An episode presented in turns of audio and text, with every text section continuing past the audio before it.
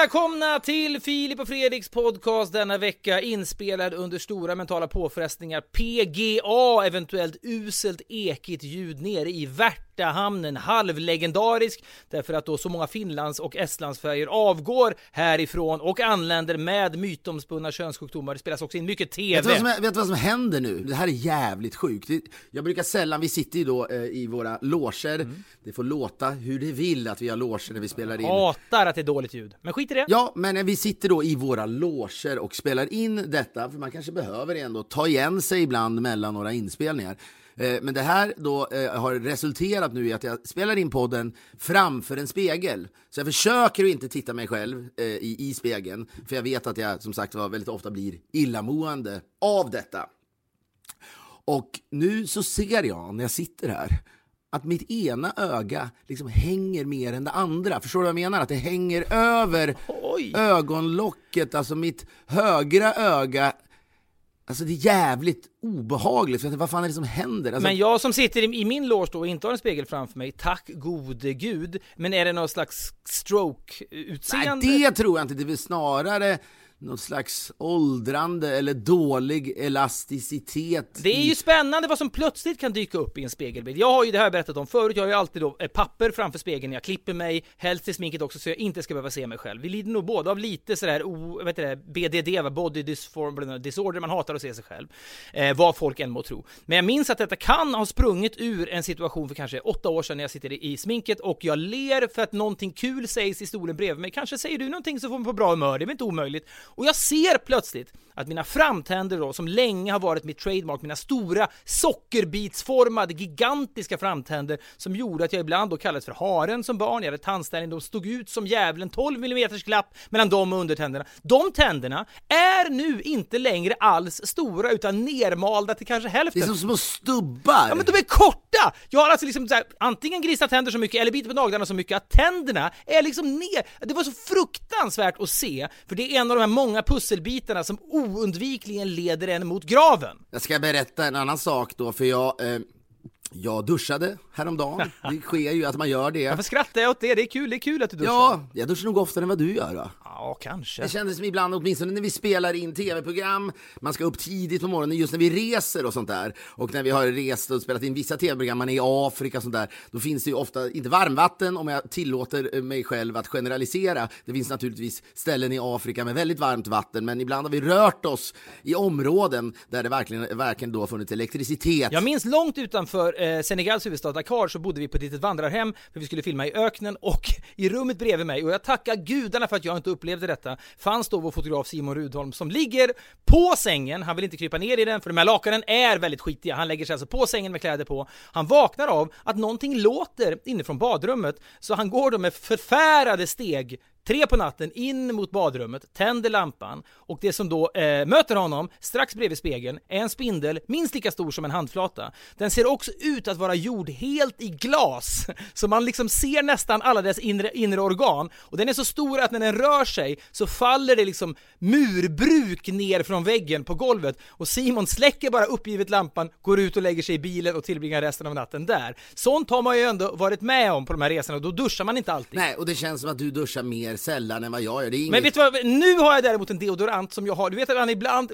krämar skiten ur tandkrämstuber så att man liksom, den där tandkrämstuben har legat där nu i tre veckor, det finns ingenting kvar. Nej, men har man, ibland klipper man till och med upp den och liksom... Ja, gud ja, man vill vaska ur det sista, inte av miljöskäl alltid, utan man orkar inte köpa en ny tandkrämstub. Jag har haft en deodorant som har varit tom i två veckor, men jag hoppas varje gång att när jag ska rolla den i armhålan så ska det komma ut någon liten, liten deodorant, liksom substans, som ska då hjälpa mig att inte svettas under dagarna. Tyvärr Tyvärr funkar det inte så, vi spelar in mycket TV. Jag, jag tror att jag förpestar tillvaron för folk. Överlag så tycker jag att det borde finnas fler företag som man då, det är alltid jobbigt att signa upp sig själv till grejer. Jag vet att man är, man är, man är orolig för detta, men det finns ju någonting. Amazon i USA har väl någon sån här du kan sätta en grej, jag har inte detta på insidan av eh, du vet, ett köksskåp och så på något sätt så kan man trycka bara på den grejen. Nu behöver jag ha mer eh, eh, diskmedel och så vidare. Och även att den här, heter den Alexa kanske eller någonting, mm. som är någon slags då... Eh, ja, ja, som säger till dig Fredrik, det börjar bli dags att köpa ett nytt eh, diskmedel och sånt där. Jag kan ändå tycka att det, jag, jag förstår att det där är framtiden, för vissa grejer det där är så märkligt, man säger att man har inte tid, men det, det du nu berättar, det, ditt vittnesmål, tror jag väldigt många kan känna igen sig i. När fan ska man köpa en deodorant? Jag vet också om att jag behöver deodorant. Jag går in på min mataffär, jag vet, just det där borta ligger deodoranten. Jag orkar fan inte gå dit! Jag orkar inte gå till den här hyllan, den är för tråkig. Jag går till brödet, det verkar kul, här finns det grillad kyckling. Ja, men det mm, handlar ju om grejer att du Jag måste... orkar inte gå den här lilla omvägen på nio meter för att rycka åt mig en deodorant. Ja, men för du måste ju ge dina barn mat, det kan du liksom inte skita i. Ja, men ju... Däremot hela min omgivning förpestas då på daglig basis för att jag stinker svett under armarna under dessa dagar. Nej, men, och, och, och därför jag känner att framtiden ändå, det är de där människorna som har kommit på då den här läxan, det är ändå smarta ja, men människor. Inte bara det, man ska kunna prenumerera på allt. Man ska kunna prenumerera på ja, allt. Men vet du vad, man vet som registrerat, Fredrik Wikingsson köpte här på den här jävla sajten köpte du en deodorant i september 2019. Då vill man ju att den i januari 2020 ska säga Dags att eh, beställa en ny deodorant. Tryck på den här ikonen. Och så sker det. Jag, för det är så mycket grejer. Ja, men det är fan, det där är verkligen någonting som, det är alltid, man blir, flera gånger i veckan blir man galen av någonting. Fan, jag har inte diskmedel hemma eller tvättmedel. Och man blir galen och så köper man ändå inte diskmedel eller tvättmedel. Då skiter man i att tvätta kläderna istället. Kapitalism har slutat funka, det trodde man inte. Eller det kanske man trodde Nej, om man är Stefan Sundström. Jag vill att livet ska vara, jag måste säga, är det någonting som då, då, den nya tiden ändå har lyckats övertyga mig om, det är att jag vill att livet ska vara så jävla bekvämt. Jag kan inte skylla på tid här, det är som du säger, det tar dig 40 sekunder extra att gå bort och hämta en deodorant. Men man liksom glömmer alltid Nej, det är inte här. ens säkert man glömmer det, man bara känner såhär, nej, inte idag. Inte idag går jag till den där hyllan, det får bli en annan dag. Och kanske var det därför då, jag minns när jag, eh, eh för många, många år sedan, så eh, flyttade jag in i din lägenhet för att jag hade separerat. Mm. Du var vänlig då att, att eh, eh, låta mig bo i din lägenhet för du hade i samma veva träffat en kvinna som idag är din mm. fru. Eh, och vi var precis eh, kompisar så det kändes väl självklart för dig att jag fick låna din lägenhet då. Eh, och jag kommer dit, någonting jag chockades över direkt var då att jag insåg att nej, den här mannen orkar inte tvätta för att som örngott hade du då bara en, en t-shirt mm. som du hade dragit över där. Ja, det, och det tycker jag inte är så konstigt om man bor ensam. Nej, jag, jag säger så här, därom tvista, eller tviste människor ja. då. Jag hickade till men tänkte ändå att fan, han är så jävla schysst att han har, låter mig bo här så att det där kan jag inte klaga på. Men sen så ser jag, för du, du hade ju liksom inte gjort åh, det fanns liksom ingen välkomstpaket när jag anlände. Det var inte så att det stod en fruktkorg och lite champagne och, och du vet så här.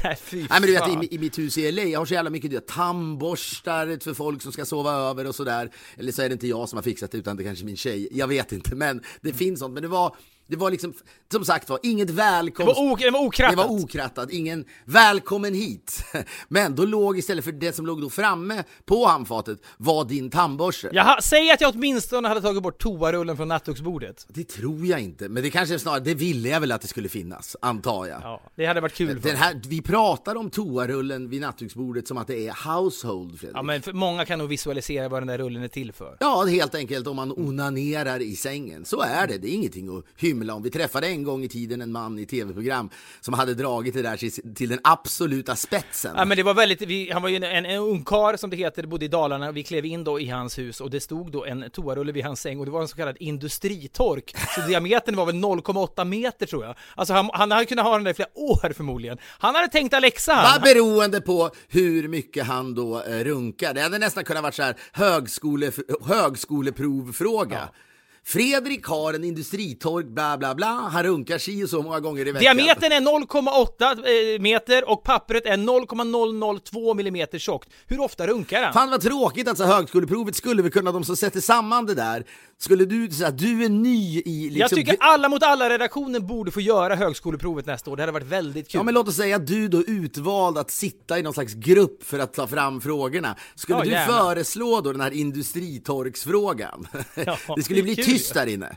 Och säga, det Ja. kan väl vara lite kul också? För folk är så pressade, jag tror att det skulle kunna vara avslappnande och avväpnande om man fick skratta till. Jag vill inte skapa för mycket bilder i lyssnarnas huvuden här, men jag minns ju en ilning nu när jag tänker tillbaka på mitt, mitt pojkrum då, där jag hade eh, också toarulle förstås. Jag var ju då tonåring, bodde ensam i ett litet rum, i en, en avlägsen del av huset dessutom. Jag Kunde har ha- varit i ditt pojkrum. kunde härja fritt där nere. Man tar, det liksom, man tar vänster, man, så ser man till höger ser man en bastu och sen fortsatte man in i en liten korridor och sen landade man i ditt eh, barnrum. Långt, långt in ensam där var jag då. Och Där, där funkar ju som en djävulen förstås när jag var tonåring. Och jag orkade då inte gå upp och spola ner det här pappret på morgonen så jag, liksom, det var, hela min papperskorg bredvid sängen var enormt fylld av då förbrukat toapapper. Alltså det, var- det var liksom inte, det var inte så att det låg någon tidning emellan och liksom något nummer av Buster eller något. Det var bara, bara toapapper, helt fullt hela vägen upp. Och jag och min, mina föräldrar såg ju detta och jag sa alltid att det, där, ja, det är snorpapper. De måste ju genomskådat detta på daglig basis i alla dessa år. Jag begriper inte hur jag inte... Och när jag tänker på det nu så mår jag väldigt, väldigt dåligt. Jag måste säga, det sker saker parallellt här. Jag vet att du, jag tittar mig i spegeln och jag borde ha stängt av min mobiltelefon eller satt den på flyglägen. Nu gjorde jag inte det. Nu har jag fått ett mess som jag ändå tycker är fascinerande och jag tänker att du snabbt innan vi återvänder till den lägenhet där jag bodde under, eh, när jag precis hade separerat. Men jag har då fått ett, ett, ett mess här från människorna som jobbar på och gör då söndagsintervjun i P1 och vill att jag ska göra den. Är inte det jävligt obehagligt? Ja, men det är den vanliga... Det är ju alltid bara folk som de ska pressa, är det inte det? Alltså in mot väggen Nej Filip, de vill fel. höra dig prata om din jävla bipolaritet. Det är vad det handlar om. Och jag lutar Nej, mig mot det fan. nu, när avundsjukan ändå sätter in. Jag har höjt kritiska röster i podden mot den omhuldade då söndagsintervjun, att den kanske inte är så vass alla gånger. Det består väldigt mycket om, ja, jag läste någonstans att, och så ska då kändisen upprepa det man har sagt i andra intervjuer. Den här kritiken kanske jag då får betala för nu, när det är dig de frågar och inte mig, för jag kollar givetvis min telefon och den ekar iskallt tomt. Här finns det inga förfrågningar. Jo, ja, du menar att det är lite att man är adlad om man har gjort söndags... Man är någon om man Det gör är klart man är, man är P1. betraktad som, det är upp på någon slags jävla parnass. Och Men handlar det inte alltid om att, ja, det vi nu vet om dig Filip är alltså att du, det är ju du inte- har en industritork på ditt nattduksbord. det, är orem, det är olämpligt. Det hade varit otroligt kul. Hur kan du som pappa och förebild ha en industritork på nattduksbordet? Vi är här för att sätta dit dig. Du lever även i en relation. Hur försvarar man det? Hur försvarar man det här besinningslösa runkandet Hur länge, det är första frågan. Hur länge tar det för industritorksrullen att ta slut? Vi är inne här via ditt Alexa-konto, vi ser att du förnyar den här industritorken varannan vecka. Vet du vad det antyder om ditt Ja, det är sexliv? fruktansvärt tragiskt. Ja, vad ska du säga till dina barn när de växer upp? Ja, jag vet inte. Jag, jag, jag, jag, jag, jag lägger mig platt. Jag lägger mig platt. Men det känns som att i P1, den här söndagsintervjun i P1 är väldigt mycket jag lägger mig platt. Nej men du, du, har miss, du har inte lyssnat på en enda av dem, de kan vara ganska insmickrande också, du har inte så mycket att vara rädd för. Jag blir lite irriterad nu, att folk betraktar dig som mer intressant än jag, men det är för att du har valsat runt med din jävla Ja, men, bipolaritet. du kan inte, ah, men du kan inte alltid, så här är det också Fredrik, och det tycker jag du kan hacka i dig. Jag är lite mer vårdslös när jag berättar om mitt eget liv och vad det, Ja, fan mina sant. egna åsikter. Jag tillstår detta. Ja, så du kanske själv skulle bli lite mer vårdslös. Ja, men nu har du ju berättat att, att, du, att du rönkade Ja, besinningslöst. men det gjorde alla. Så det säger ingenting. Man vet också att söndagsintervjun, det är inte sånt de tar upp. Ska jag liksom messa han Martin Wiklin eller vad han heter? Bara så att Ja, det är det han heter. Ja, Det är jag runkade besinningslöst i tonåren, bjud in mig istället. Dock är det så, i och med att jag nu pratar om det här i podden så kommer jag ryka all världens väg. Då får det vara så. Nu återvänder vi. Återvända till den lägenhet på Kungsholmen som jag fick låna av dig. När kan det här ha varit? 2005 kanske? Eller något sånt? 2002 skulle jag gissa, och då anade du inte att Martin Wiklin skulle höra av sig. Nej, det är vilken resa jag har gjort. Ja, Men det är lite synd om dig kan jag tycka, för jag vet, och det är så, jag bor ju inte i Sverige egentligen så, så mycket och jag är här väldigt under väldigt korta perioder och då jobbar jag hela tiden så jag vet inte någonting. Det är lite taskigt med att jag har ingen aning om vem Martin Wiklin är. I ditt huvud verkar han ju vara liksom någon slags legendar. Nej, det är han. Nej, men jag har ju varit kritisk mot honom. Jag tycker inte att intervjuerna är så bra alltid. Så De är inte det. Nej, gud vad du kommer lyssna noggrant på min intervju och höra om jag, om jag svarar dåligt. Men det, vi får se, jag är inte så jävla, jag är ju sladdrig också. Jag, Ja. jag kommer tacka nej. Det, ja, vi får se. Men jag- det är också kul tid. att du tackar ja. Det är roligt om jag säger så här. nej jag kan inte, men fråga Fredrik och då får man bara tillbaka, ha ha ha ha ha ha. Fy fan. Okej, tillbaka. Jo, men då är jag alltså i den här lägenheten jag flyttade in. Det finns inget välkomstpaket överhuvudtaget. Det är massa jävla glödlampor. Det är jättekonstigt när man skulle. Jag minns att gå från toaletten till då sovrummet. Det var livsfarligt. Det var med, som var med i något, så här, något, något jävla tv-program. Du vet, man går in i något så här Fångarna på fortet. Du brydde dig inte om att bli, även på den tiden så var vissa saker jobbigt för dig och att köpa glödlampor var också någonting du inte gjorde. Det finns så många olika passformer och watt. Det är Men jättekomplicerat. framför allt då, apropå det här med att ha en deodorant och även när vi har rest runt och gjort tv-program så det tog några år men sen insåg jag att du använde kalsonger flera dagar i rad genom att vända på dem. Ja, det har vi pratat om. Det behöver du inte... En, Nej men så var det. Men, men mest är det till Wiklin. sen, jag tänkte det är hans första fråga till dig. Ja, du har alltså vänt på kalsongerna. På samma sätt som man vill revolutionera högskoleprovet så skulle du egentligen vilja, du skulle vilja göra en crash course med, med Wiklin under en dag för att få honom Jag skulle kunna lyfta den till 30-40 Ja. procent. Men i alla fall, eh, på samma sätt som det inte fanns någon deodorant så fick jag då en inblick i ditt liv, för jag såg då på handfatet så låg då din tandborste. Mm, men det här har vi också... har vi- Jag vet, men jag måste säga, jo men jag återvänder till mig själv, men jag måste säga, det är bland det sjukaste jag sett, det borde ställas ut någonstans. Det var en tand, äh, med, tandborste med mittbena. Jag menar så Fredrik Wikingssons tandborste, han säger så här, ett helt liv, samma tandborste.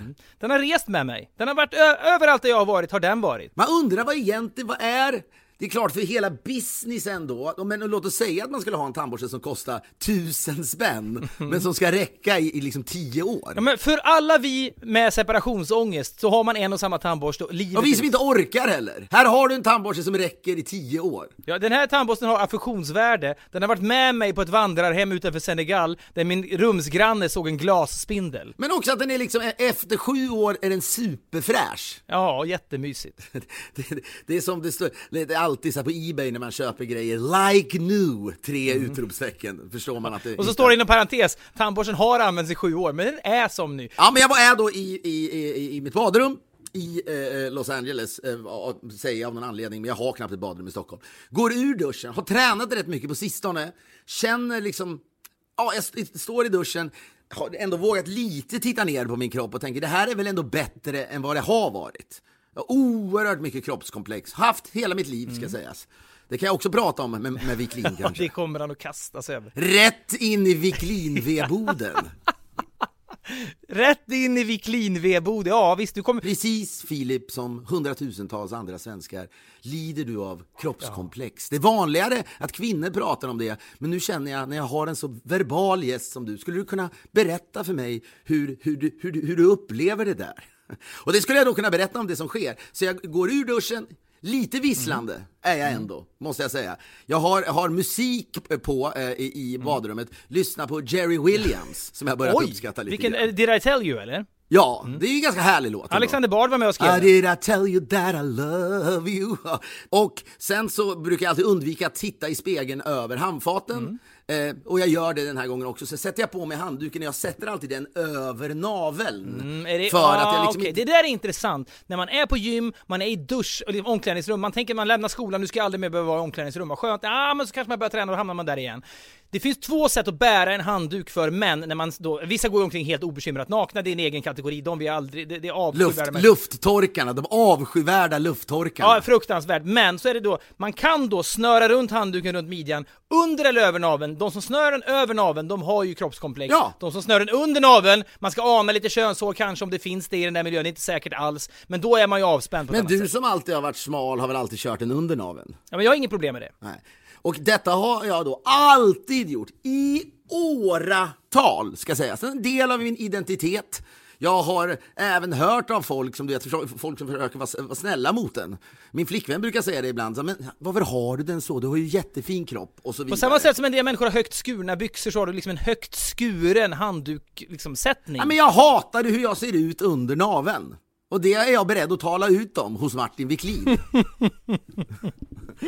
eh, men då, och sen går Hela jag... den här podden kommer bli en kontaktannons nu, det är hemskt. Ja, fortsätt. Men sen går jag då ut ur badrummet mot min garderob och i precis vid garderoben sitter en helkroppsspegel.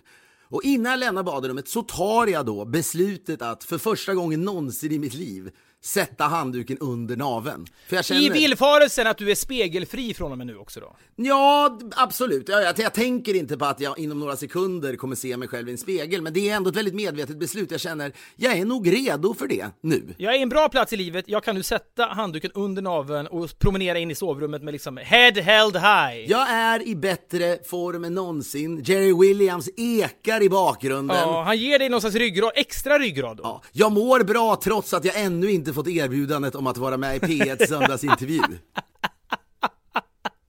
Okej. Jag går då ut ur badrummet och ser mig själv i den här helkroppsspegeln. Och det är, man kan prata om misslyckanden i livet och ögonblick som är sorgliga. Och det här kan då i sammanhanget låta som direkt så så marginaliserande gentemot andra människor som är med om hemska saker och hemska saker jag själv har varit med om. Men ett av de värsta ögonblicken i mitt liv, när jag ser mig själv med handduken under naveln. Det är liksom en gris som kommer gående, en sugga! Men är, är det också den här effekten då som, som många känner igen? Man går exempelvis är i ett varuhus och så vänder man sig om hastigt och så ser man en människa. Vad fan är det där? Åh jävlar, det där är jag! Så där ser jag ut innan jag har kalibrerat mitt utseende. Det där är jag när jag inte är beredd på mig själv. Och sen ställer man om ansiktet, det är som att liksom pupillerna anpassar sig. Så, ah, okej, okay, det är inte så kul att se sig själv i spegeln, men det där är åtminstone jag. Men under en halv, en sekund, så är det en annan person som stirrar tillbaka och det är då man ser sitt sanna, vedervärdiga jag. Är det en sån motsvarighet, fast dessutom kroppsligt då, du är med om i ditt sovrum? Ja, helt och hållet. Jag menar, jag kan, jag kan tycka synd om mig själv. Jag tycker det är lite rörande att jag vågar ta beslutet inne på toaletten. Jag visslar, Jerry Williams och tänker nej, jag är nog redo Men det, är, det här är ju precis som, det här har jag berättat för dig förut då, min 18-årsdag eh, uppe i Sundsvall, i pojkrummet sitter jag, alltså nyrunkad gissningsvis, och har Sundsvalls tidning framför mig och klipper ut den seriestripp som den dagen, den då 16 augusti 1991 måste det ha varit när jag fyllde 18, featuring då katten Gustav, som är tre rutor, i den första rutan så står katten Gustav framför spegeln och spänner upp sig och säger jag är otrolig, jag är oemotståndlig, jag kan äga, jag äger hela världen, jag kan erövra hela världen. Och sen så nästa ruta så står han och tappar modet lite grann, men tittar ändå sig själv i spegeln. Och i den tredje rutan har han säckat ihop helt, går ifrån spegeln och tänker då, jag är bara en liten hårboll. Det är den resan du gör, och den klippte jag ur, sparade till mig själv i många år, jag blev väldigt, väldigt rörd av den. Just hur snabbt det kan gå i pendlingarna mellan upp och ner i livet, och det är precis den resan du gör blixtsnabbt i sovrummet då. Vi är denna vecka sponsrade av klädmärket Asket och det här tycker jag är kul för jag är en del av Asketrörelsen. Jag bär deras kläder med stor entusiasm. Ja, men det här handlar ju då om ett väldigt modernt och, och modernt kan saker och ting vara. Det spelar liksom inte så stor roll om det inte är schyssta grejer. Så är det, då är det bara goda avsikter. Asket gör väldigt, väldigt snygga, tidlösa kläder som gör att man inte hela tiden byter garderob, staplar på garderoben och köper nya grejer. Tanken med Askets kläder är att de ska hålla i fem år, inte i fem tvättar. Man bygger upp en permanent kollektion, man följer inte några nya trender kanske, man, man köper grejer som ser schysst ut på bild även om sju år. Jag har på mig deras lammullströja nu, jag älskar den jäveln, jag tycker att den här typen av kläder Jag gick igenom min garderob häromdagen och det är så jävla mycket kläder jag inte använder som ändå är inom samma genre, massa tröjor och så vidare. Men med Asket så blir det färre kläder med kläder med mycket högre kvalitet och det är snällare mot miljön. Det är också så att de erbjuder väldigt mycket olika storlekar så man hittar liksom grejer som passar perfekt för en själv. Gå in på asket.com, asket.com och botanisera. Där kommer ni hitta väldigt schyssta, bra grejer. Stort tack till Asket! i vissa människors öron så kan det ju låta så här otroligt att jag blir så nedslagen av detta. Det är väl framförallt människor då som inte har lidit av kroppskomplex. Och, och, och herregud, man kan vara med om värre saker. Men det var något så här det förstörde liksom flera dagar av mitt liv. Dels tyckte jag det var genant. Vem tror jag att jag är när jag står där och duschar och lyssnar på Jerry Williams? Mm. Tror jag att jag är redo för det här? Och då kan jag tycka, fan vad mysigt att jag liksom har tagit något kliv. Mm. Men så blir det liksom ännu värre, mina kroppskomplex blir mycket värre är ju det nu. Usch. För jag kände verkligen att jag, så här, jag höll på att spy. Mm. Det är så här jävligt alltså, kände jag bara. Usch, nu får... Ja, nej men det är sant. Jag, jag, jag, jag, står, nu, det, det, alltså, jag vet inte, men jag har aldrig tyckt så här. det är otroligt egentligen, man jobbar med TV. Många människor, man hör om många manliga programledare. Jag mindes, nu ska vi inte singla ut någon, men jag mindes att Henrik Jonsson, som du känner till, Mm. Ja, gud, ja. som var eh, pro- programledare, nu är han väl mest ikonisk eh, producent för eh, massa olika sommarprat. Även TV, även tv-program. Absolut, men han är verkligen the go-to guy när man ska göra ett Han är sommarprat. gift med Malin Baryard också då, eh, ryttaren. Ja men precis, och jag minns att han då, han, han var så jävla het ett tag, ledde alla tv-program och du och jag hade något program där han då var gäst tillsammans med sin bästa kompis Mark Levengood. Mm. Och så minns jag att även du, både du och jag, liksom kände oss lite ofräscha sådär. Jag vet inte, på den tiden vi söp väl så jävla mycket. Och så kom han ut ur sminket och jag minns att du och jag bara wow. Här är en man som är så, jä- så jävla bra. Nu är det next level, så här kan man också se Ja, ut. och Mark Levengood är också tight givetvis. Men, men Henrik, Henrik Jonsson var liksom ännu tajtare. Och så berättade han, för han skulle själv leda något program då, börja leda, spela in en serie ungefär som Alla mot alla. Och så sa han, ja, nu blir det riskakor i två veckor, minns jag att han sa. Det var det enda han skulle äta för att liksom se till att han såg så bra ut som möjligt när kameran... Hjärnan, hjärnans kapacitet må gå ner med 70% men det gör även då kroppsfettet. Ja men då kände jag, jag minns att både du och jag tittade på varandra, fy fan hur man kan ha en sån karaktär. Ja men, ja, men vi kanske tänkte så här, jaha, vi kanske inte har vad som krävs för att jobba med det här. Om det är så man måste bete sig, då klar, kommer vi inte klara det Nej, här. men, och det är därför jag tänker med de här då kroppskomplexen som jag trots allt har. Så, eh, och, och det, detta, det är inte så nu Fredrik att jag har nu en ny polari, bipolaritet som jag slänger ut här. Nej. Men det som sker direkt efter att jag har tagit, eh, liksom gått, eh, gått... Vi är denna vecka sponsrade av Finnair och vi pratade i förra veckan om klass och service, något man verkligen uppskattar när man flyger och det får man ju då hos Finnair. Låt oss Fredrik lyfta fram Finnairs app som underlättar resandet redan från bokningen. Den fyller ju då i all info automatiskt när man bokar. Perfekt då när man reser mycket och det första du ser i appen det är check-in. Kanske det viktigaste då innan resan. Sen har du dina digitala boardingkort i mobilen och behöver du addera en väska, välja säte eller kanske ändra något i bokningen så gör du det i appen och slipper kontakta kundservice. Man kan bara föreställa sig vilken tid man sitter i de här telefonköerna. Det här är enkelt, smidigt och tidseffektivt. De är otroligt duktiga på att hela tiden förbättra upplevelsen under resan. Vi säger därför stort tack till Finnair! Vi är denna vecka sponsrade av Blocket och låt oss, kan verka lite dystopiskt men tycker ändå det funkar, prata om dödsbädden.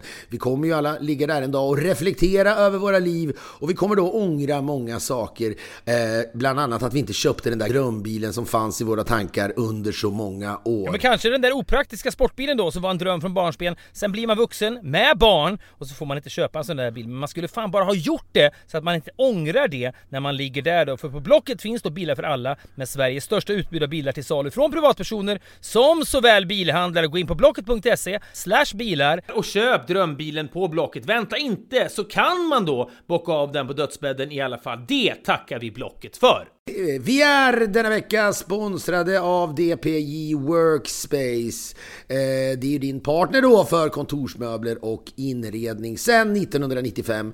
Köper du en stol eller ett bord eller vad det nu kan vara i år, 2024 alltså, så har du garanti till och med 2034. Vilket innebär, Fredrik, hur många års garanti då? Det är 10 års garanti, det är ett decennium. Kan man säga något annat än att de vet att det är hög kvalitet på sina grejer? De har otroligt mycket snygga och bra produkter. Allt ifrån snygga designstolar till belysning och loungemöbler. Alltså ett komplett utbud. Helt enkelt med riktigt schyssta grejer. De ska hålla länge, det ska vara snyggt och det ska funka bra för alla typer av behov som finns. Och har man funnits sedan 1995 som DPJ har gjort så kan man sannoliken sin grej. Gå in på dpj.se och läs mer. Vi säger stort tack till DPJ Workspace.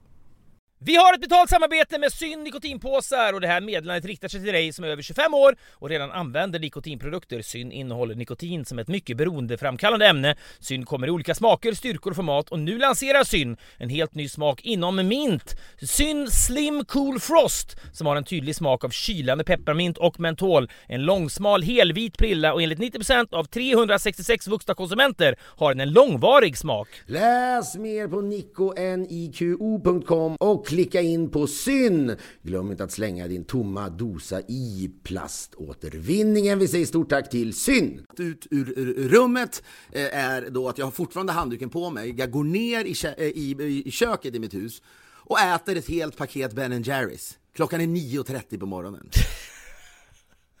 Det är mörkt. Ja. Förlåt att jag skrattar men du levererade. Nej, jag tycker du kan skratta. levererade för att jag ska skratta, därför är det okej att jag skrattar. Jag förstår. Ja, men jag vet, men det är, jag vet inte, jag ska inte säga att jag lider av bulimi, men det måste ju vara en, en släkting till bulimi väl? Men det är väl, alltså, det är tröstätande är ju vad det handlar om, givetvis. Och jag vet, men det är väl nästan, det är väl sånt här att man blir manisk. Jag, säger, jag hatar mig själv så mycket efter det där, så jag, du, du förstår inte. Det är liksom att ta en vecka och Nej, men jag, återhämta mig. en del människor, man drömmer ju om att ens reaktion på den där typen av upplevelse ska vara okej, nu gör jag 4000 situps då. Ja men Henrik Jonsson, nu bara är det Nu riskakor blir det som riskak gäller. i två veckor för jag har upplevt den här grisiga då bilden i sovrummet, men man, jag, det är ju mänskligt att reagera, tvärtom, det är väl därför jag och många med mig tycker om dig så mycket, för att din reaktion på den där upplevelsen är att gå ner och trycka i dig en halv liter glass. Alla dessa år i TV har ändå på ett sätt har det väl gjort en fåfäng, men jag tror både du och jag, vi ser ju oerhört sällan våra egna program, eller aldrig gör vi det. Men man hamnar ju, man tvingas ju ibland göra det för man sitter i klippningar och så vidare. Då måste man gå igenom programmet. Och då sitter man oftast där och tycker att man ser för jävlig ut. Men jag har på något sätt lyckats jag tycker väl att det är för kul att jobba med dig och göra TV för att sluta med det, så att säga. Jag har väl lyckats liksom hantera att så där ser jag ut och det är väldigt sällan man har varit naken i TV. Men kommer du nu då att ha handduken över naveln i tio år till nu då? Ja, men jag hoppas ju inte det. Jag hoppas att jag vågar igen, men jag kommer inte våga på ett tag. Men det är, på ett sätt känner jag så här, fan vad skönt att att jag inte har liksom blivit så fåfäng, att det här yrket har gjort eh, med mig liksom att jag börjar, börjar käkar riskakor. I'm happy for Henrik Jonsson att han klarar av det.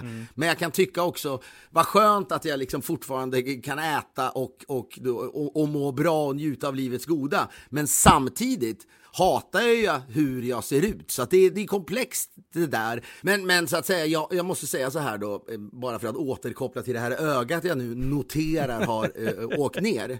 Det är nästa glassförpackning. Nej, men ska jag säga så här, jag hade ju nästan förlorat, hellre liksom förlorat synen på ena ögat för att pallad ha liksom för evigt eh, handduken nedanför naveln. Ja, Jag kan det. leva med den här hängande jävla Ja, ögat. för- och, och jag, tar, jag tar ju då eh, handduken nedanför naveln för givet, medan jag har massa andra problem då. Men det, det, det, det Jo men det, du upplever ju ändå något slags, när jag mindes själv, jag har, jag har noterat genom åren att fan det är någonting som händer med Fredriks tänder. De är kortare. Fy Ja, men jag har ju inte sagt det till dig, men jag mindes när du själv insåg detta. Du mådde ju inte bra då heller. Nej, men det, det är kopplat så mycket till åldrar. Ah, fy helvete, kan vi... Ja men det är inte så jävla mycket, det är inte till åldrande. Nej men Det tandagnisslan och stress och jävla, men det är, det är någonting, tänder är tänder tänker man. De kan väl inte ruckas på? Allt växer, öronen blir större, näsan blir större, håret liksom växer och så vidare, men, men tänderna ska bli kortare plötsligt. Men till slut är det väl så att du måste börja sätta in, jag vet inte, i USA kallar man det för veneers. Löständ, Alltså, löständer är det du pratar om. Ja men du vet, du vet Jörgen Klopp som är tränare för Liverpool, han har ju blivit något slags ansiktet utåt för veneers. För nya tänder, ja, han har ett Ja. otroligt Ja men leende. till, förr eller senare kommer det ju bli så att du nödgas skaffa det. Och då kommer ju alla tv-tittare bli varse det här. Ja. Men då kommer man förstå att det inte är ett Visserligen ett kosmetiskt ingrepp, men det är också, det handlar om överlevnad. Men det handlar om att kunna stå ut med sig själv. tandköttet. Får jag ändå, eh, apro- lite apropå liksom så här, tv-programledare och liksom hur man uppfattas och så vidare, så hörde jag någonting här om kvällen som är den liksom perfekta historien för en sån som mig. Den är nästan perfekt för dig, den är ganska perfekt för många av lyssnarna, men jag vill dra den för dig, för du var inte med. Det var något så jävla sällsynt som efter en lång Alla mot alla inspelningsdag så drar du hem medan jag är kvar och dricker öl med människorna som befinner sig där. Jag blir kvar några timmar och en av människorna Ja, Jag har en så kallad vit period. jag hade en vit period och sjukt nog så bröt jag den denna kväll. Det är sant, För att jag ja, mådde så bra att jag nu kan jag bryta en vit period. Det är väl inget jävla bra tecken egentligen. Men jag kände så här, ah, jag är i en bra plats just nu mentalt. Det känns kul att spela in de här programmen. Det, går, det är jättehärliga människor med. Jag är omgiven av människor jag älskar. Var det inte så att dina, dina föräldrar tog hand om, om era barn? Ja men det var, allting var så jävla, du vet, jag, jag tänkte faktiskt på det, över nyår här så satt jag på en fransk lunchrestaurang ensam. Bredvid mig satt då två män i min ålder som gissningsvis var kollegor. De jobbade nog för det var en tisdag och så var det lunchbreak. De satt mitt emot varandra i över en timme. De sa inte ett ord till varandra på hela, he, hela jävla lunchen. Man tänker ibland på par på restauranger som inte pratar med varandra. Gud vad tragiskt, där vill man inte hamna. Det är på ett sätt ännu mer tragiskt med jobbarkompisar som inte står ut med varandra. Och då tänkte jag liksom, tänk, jag får gå till det här jobbet. Jag, jag älskar människor jag jobbar med. Jag älskar människor som är med och tävlar. Det är så jävla Ja, privilegierat. men tänk också att du och jag, Imorgon ska vi åka till Örebro av någon jävla anledning. Jag är ju aldrig rädd för att det ska bli tyst i bilen. Jag vet ju att vi kommer ha Nej, trevligt men de, de där. där två killarnas lunchande blev liksom en skriande kontrast till min tur som är omgiven av människor som jag har det så jävla bra med. Det, det, det kan man inte ta för givet.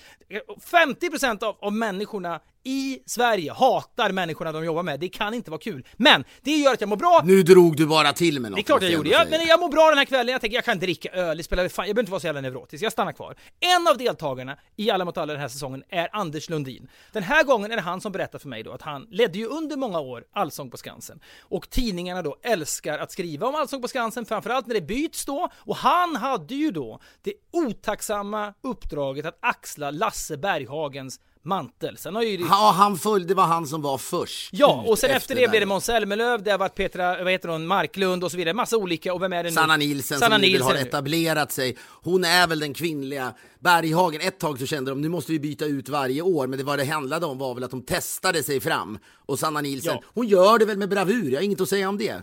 I guess, jag tittar aldrig på det. Men Anders Lundin, eh, det var ju då år av skriverier när tidningarna förstod det. Sommartorka, hur ska vi sälja lösnummer som det var på 90-talet och början på 2000-talet? Jo, vi måste skriva om krisen på Allsång på Skansen och då uppfinner man då massa, massa problem och så ska det helst enligt den dramaturgiska kurvan som det ofta är med melloprogramledare också. Det är skit i början, tittarna hatar det, tittarstorm och sen mot slutet av mello, slutet av sommaren, vad det än må vara, då ska det här vända och så blir det succé. Men Anders Lundin hade det tufft liksom varje år och det han berättar då, detta är häpnadsväckande för mig och nästan upplyftande för jag visste inte att det gick till så i Sverige. Då berättar han att bakom scenen på Soliden heter det väl, Soliden-scenen på Skansen, så finns det en väg man går av scenen för att du vet, lämna, gå ner backstage så att säga. Och det är då en liten trappa bestående av tre, fyra trappsteg kanske.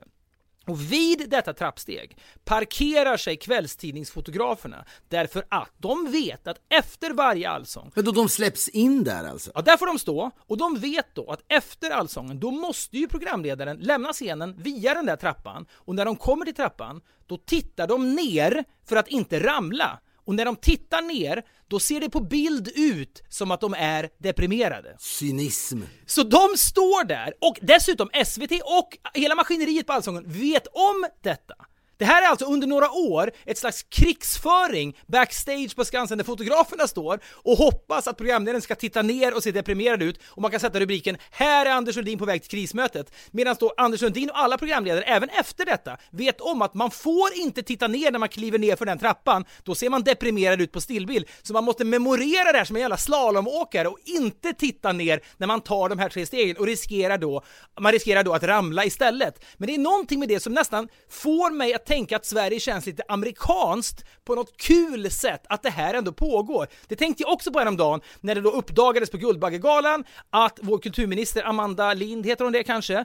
Hon hade då inte sett en enda av de nominerade filmerna, vilket är ju så bedrövligt så det liknar ingenting. Det har folk redan tyckt, det behöver man inte prata om. Ja men jag vet, jag, jag håller med dig om det där. Men vem vet hur mycket annat hon har konsumerat? Nej, men det jag vill bara säga. Nej men du vet ju precis, hon, är, hon har ju precis fått barn tror jag. Jag kan tycka det finns en, en, en, så här, en belåtenhet inom den svenska filmindustrin och då de, de, de finare filmskaparna att så här, hon borde väl verkligen ha sett de här Ja, filmerna. men så här, helt, alltså hon, hon kan ju bara mejla och säga skicka mig tre länkar. Jo, Så, men jag menar också, hon har mycket att göra. Hon kanske har läst 900 av de nya böckerna som kommit ut, sett 17 000 ja, men då får man ju föreställningar. prioritera. Så 300, 300 böcker och 30 filmer då, det kan man faktiskt Ja, men göra. de kanske Jag- har sett massa kortfilmer, vad fan. Jag, bara, jag kan ändå så här, att det skulle vara det ultimata så att Nej, säga. men det jag menar bara är att så där hade, det hade ju ändå inte skett i Washington menar jag. I USA hade man då blivit briefad på något sätt. På vägen dit sitter man med en, med en superspeedad assistent som har ett headset på sig, lite mappar, lite pärmar, lite kaffe och så säger han okej, det här är Aniara, det är alltså by- byggt på den här gamla boken. Sen har vi den här And then we dance, den kommer du alla orka se, men det är liksom i Georgien, det är liksom homofobi och det är dans och så vidare. Bra, då vet du det.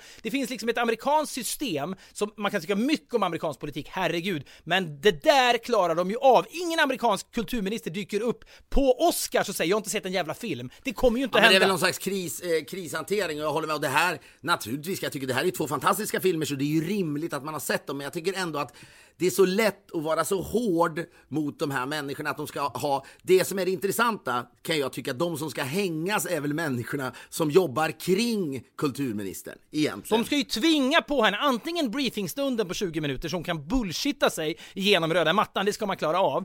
Eller så får de liksom bara trycka två länkar eller klippa ner filmerna då. Människorna runt henne får ju säga till filmbolagen, skicka, skicka filmerna till oss, sen tar de på eget bevåg då, då rippar de filmerna, klipper ner dem till 10 minuters versioner, nästan trailers, och så får de se dem. På något sätt ska de ju lösa detta. Och det jag menar med detta är att det, liksom, det känns, Sverige är ändå en jävla bondhåla på ett internationell arena när man tänker på detta. Det var det som gjorde mig så upprymd. Men alltså... just liksom, infra, liksom, infrastrukturen kring en, helt enkelt, en, en, en, minister. Jag måste säga, för det är så sällan sånt händer i USA. Jag håller med dig. De hade ja, men jag, alltså, det, det, det var det som gjorde mig så upprymd med Allsång på Skansen-grejen, för där kände Sverige internationellt. Att dels finns det en medvetenhet på SVT, så här, ni får inte titta ner, då ser ni ut som att ni är deprimerade och på väg till ett krismöte. Ni måste se, titta upp, head held high, återigen, se stolta ut. Det här är inget krismöte, det här går som en dans. Men, så där är vi internationella, både de här vidriga fotograferna och SVT-maskineriet är internationellt gångbart där. Medan maskineriet runt kulturministern är ju gärdsgården. Förra eh, presidentvalet i USA, när då eh, den republikanska presidentkandidaten skulle skakas fram, och som alltid i början är de ju hur många jävla kandidater som helst. I primärvalen precis. Ja, precis. Och det har de ju varit nu med Demokraterna. Nu är det bara några få kvar. Men i början då innan Trump började liksom, ja, började egentligen smutskasta folk och det funkade och folk föll bort från då det här eh, primärvalsracet. I början fanns det då en kille som heter Rick Perry, tror jag. Mm. Som han var han guvernör i Texas. Precis. Ganska sådär snygg kille och det fanns ändå vissa förhoppningar om att mm, han kanske kan vara eh, ett namn, för han är rätt då. Ganska lik eh, Josh Brolin, va? Ja, men lite så, ja. Och, och, och, omtyckt och så vidare. Så står han då i debatten. Direkt sen. Jag minns inte historien exakt. Gör du det? Ja, men det som hände var, det var debatt då, och då säger moderatorn av debatten, jaha, Rick Perry, du har sagt att om du blir president, då ska du lägga ner eh, de här tre, tre departement. Varför vill du göra det? Ja, eh, oh, det är inget snack säger han, jag vill lägga ner det här, vad det nu var. Så vill jag lägga ner det här, där, och sen, och då, då vädrar ju då den här moderatorn blod så att säga, vad fan, och då säger moderatorn, men vänta nu, vet du inte vilket det tredje departementet är som du vill lägga ner? Och bollar tillbaka eh, frågan till Rick Perry, och han står där och han är tyst i 20 sekunder, de andra runt honom på scenen njuter ju, de mår ju så fruktansvärt bra. Klockan tickar, och till slut säger han bara Oops.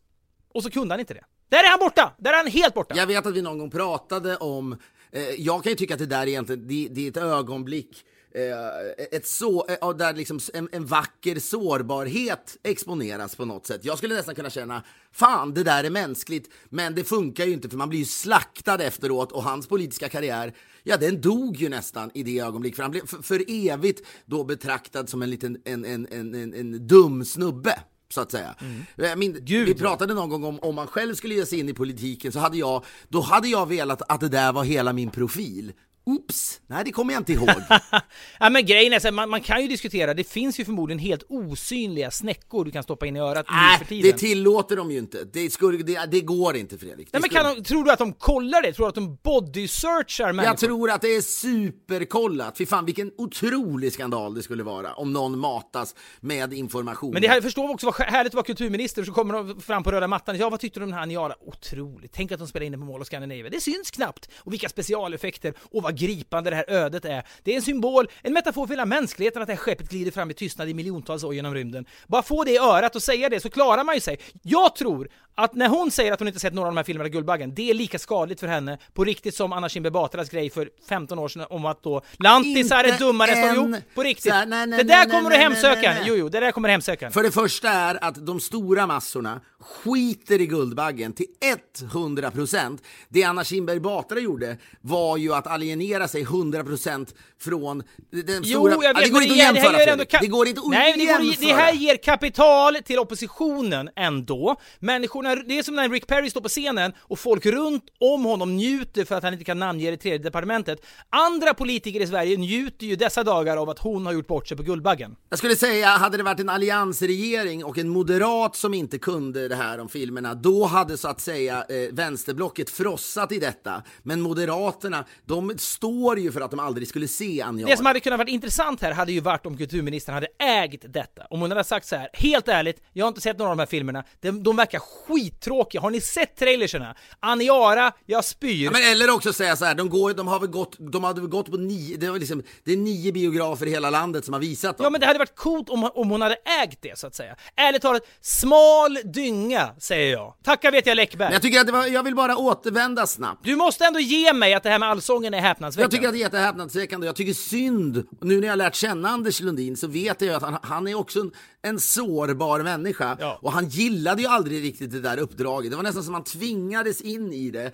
Och ja, det kändes som han, han liksom plågades av det där och det har vi pratat om tidigare om hur han, när sista programmet hade då, vi spekulerade eh, kring att han efter sista avsnittet av Allsång på Skansen då varje år kastar sig i en taxi till Arlanda för att flyga långt, långt bort. Och då visade det sig Och tio minuter efter take-off kom den första gin och tonicen in och då, då kunde han tänka där Ja, och är det jag stämde tydligen. Men jag får bara säga, eh, när vi då eh, hade spelat in de här avsnitten och, och när du då stannade kvar, pratade med Anders Lundin, bröt din vita månad, du kände att det var en bra plats i livet, du älskar ditt jobb och så vidare. Du behövde inte gå hem till några barn, du hade inga ansvar och så vidare. Jag då, som helt plötsligt har en vit period, testar det. De har inte varit så många i mitt liv. Finns det något samband med upplevelsen framför spegeln hemma? Ja, det tror jag säkert att det är, faktiskt, om vi ska vara helt ärliga. Eh, samtidigt som jag vet att kanske Ja, man blir fet av sprit, men det är klart att äta liksom tre kilo glass i veckan, bli, jag tror man blir fetare av det. För att så mycket dricker jag inte. Men jag har alldeles för dålig karaktär för att sluta med sånt och egentligen har jag alldeles för dålig karaktär tror jag för att ta en vit månad eftersom jag är så svag för grupptryck. Mm. Så att, eh, och när jag ser dig, jag har liksom aldrig, har aldrig varit med om att du har brutit din vita månad. Eller så här, du har ju tagit, du har ju tagit uppehåll från godis och sånt där. Du har klarat alla, alla utmaningar du har gett dig själv har du nästan alltid... eh, För att jag är anal? Ja, men för att du är anal. Men jag känner hur dåligt jag mår när alla börjar pressa mig. Dock måste jag säga att jag älskar dig mycket, och det gör jag generellt. Men för du pressade faktiskt inte mig. Du sa inte kom igen nu, drick. Nej. Utan ja, men du kände väl kanske att det här är spännande. Eller så kanske också kände fan vad jag hatar när folk gör sånt själv. Människorna i vår redaktion mår ju aldrig bättre än när du dricker. Nej, och det var vad, vad fan ska man säga om det? Det är en komplimang ska du veta. Martin Wiklin säger, det sägs att folk älskar att du super. Det är också bra. Nej men så när jag då, och så ljuger jag inför vår producent Emil Persson. Som också älskar när du super. Ja, han älskar det mest. Men det är för att man, när man super mycket, och då är det väl så naturligtvis att man, man vill ju alltid att människor ska vara med i den klubben. Men då, jag ljuger för dem. Jag säger jag ska bara gå hem, byta kläder, sen är jag redo. Och då börjar de säga, ja men vi, vi tar ett ställe, vi alla samlas på ett ställe nära din lägenhet. Så att det verkligen blir lätt för dig att ta dig därifrån. Ta dig De dit. vill kratta för att du lätt ska kunna Och komma då ut. hör jag mig själv säga, för jag bor då inne i stan, så hör jag mig själv säga Ta något ställe på Södermalm, det vore roligt att byta miljö lite grann. Oj, oj, oj. Det är, det är med tanke på att det, det här har ju varit jag i 15 år. Jag är den som har smitit från fester, jag är den som har ljugit om att jag, ja men just ikväll är det barnen och så vidare. Jo, men du har också varit duktig på att säga nej, jag har vit månad. Ja, det har är jag så. faktiskt, Ja. ja. Ja. men så åker jag hem och så, så känner jag, då i, även i bilen tänker jag, ska jag bryta det här nu? Jag är lite lockad av det också. Men känner någon jävla gång i livet måste jag hålla någonting för mig själv som jag har lovat mig själv. Och det är även, jag har ju de minnesbilderna från den där förskräckliga personen jag såg i spegeln. Mm. Så att jag skickar då ett mess när jag kommer hem eh, till lägenheten och så säger jag, du vet det är så defensivt, jag vet att ni kommer hata mig nu och jag, du vet, jag skrev era svar kommer vara att jag är en värdelös människa men jag vill verkligen inte dricka idag, bla bla bla och jag är trött. Alltså det var så defensivt va. Och sen lägger jag mig på soffan och jag börjar titta på en, en dokumentär om Manuel Noriega. Det är ingenting vi behöver snacka så mycket om. tack. Och sen ser jag att svaren börjar då trilla in från producenter och redaktörer och så vidare. Folk som vill se dig i, över borden. Jo, men jag vet. Och sen, jag vågar inte titta på de svaren förrän morgonen efter. Och så gör jag mig redo för, jaha, nu kommer det ha pissats på mig, vilket det, det finns också någon otrolig eh, liksom Självupptagenhet i detta, ja, här, verkligen. att, jag- att jag säger det. Men samtidigt så förstår jag då att folk, som du säger, gillar när jag super. Det finns ju en väldigt, väldigt gripande se- sekvens i Hasse och Tage-dokumentären då, eh, där som inte blev ens Guldbaggenominerad, vilket ju är vad det är. Det var ju fan bedrövligt. Den var ju väldigt, väldigt härlig att se, måste jag säga. Men då är det en sekvens, de är ute i Paris, Hasse och Tage. Då Hasse är då eh, den mannen som hade fa- fallit ner i partykastrullen eller vad det heter. Han var ju alltid redo för fest. Tage var mer återhållsam. Jag är väl Tage i den ekvationen, du är väl Hasse i den Men ekvationen? du är inte så, du, du är inte så jävla opartig som Tage Danielsson. Nej, kanske inte, men då är de ute i Paris. Hasse har styrt Gör upp... dig inte till mer av en renlevnadsman än vad du är. Nej men verkligen inte, men Hasse har då styrt upp hela kvällen. Det är liksom, det är lokal, allt är krattat, det är bord bokat, det är liksom den tidens drinkbord, allt är klart. Och Tage säger då ynkligt under en promenad mellan de här noga utritade stationerna som Hasse har styrt upp då, så säger han Jag skulle vilja gå hem nu, jag är lite trött. Och då trycker liksom Hasse upp honom mot väggen och bara vrålar Varför är du så jävla tråkig? För han har ju peppat på den här gå- ut i Paris med sin bästa kompis. Och då börjar då Tage Danielsson gråta för han har inget bra svar på det. Och det, det är fruktansvärt gripande. Jag vill verkligen säga som sagt att det finns en, en, en, en självbelåtenhet i att jag gör mig liksom mer relevant än vad jag förmodligen är i de här människornas liv. Du skickar ju inget mess om var är du, men du kanske snarare... Nej, men jag kräver inget sånt. Men då eh, så tittar jag på morgonen och sen är det mest väldigt så här.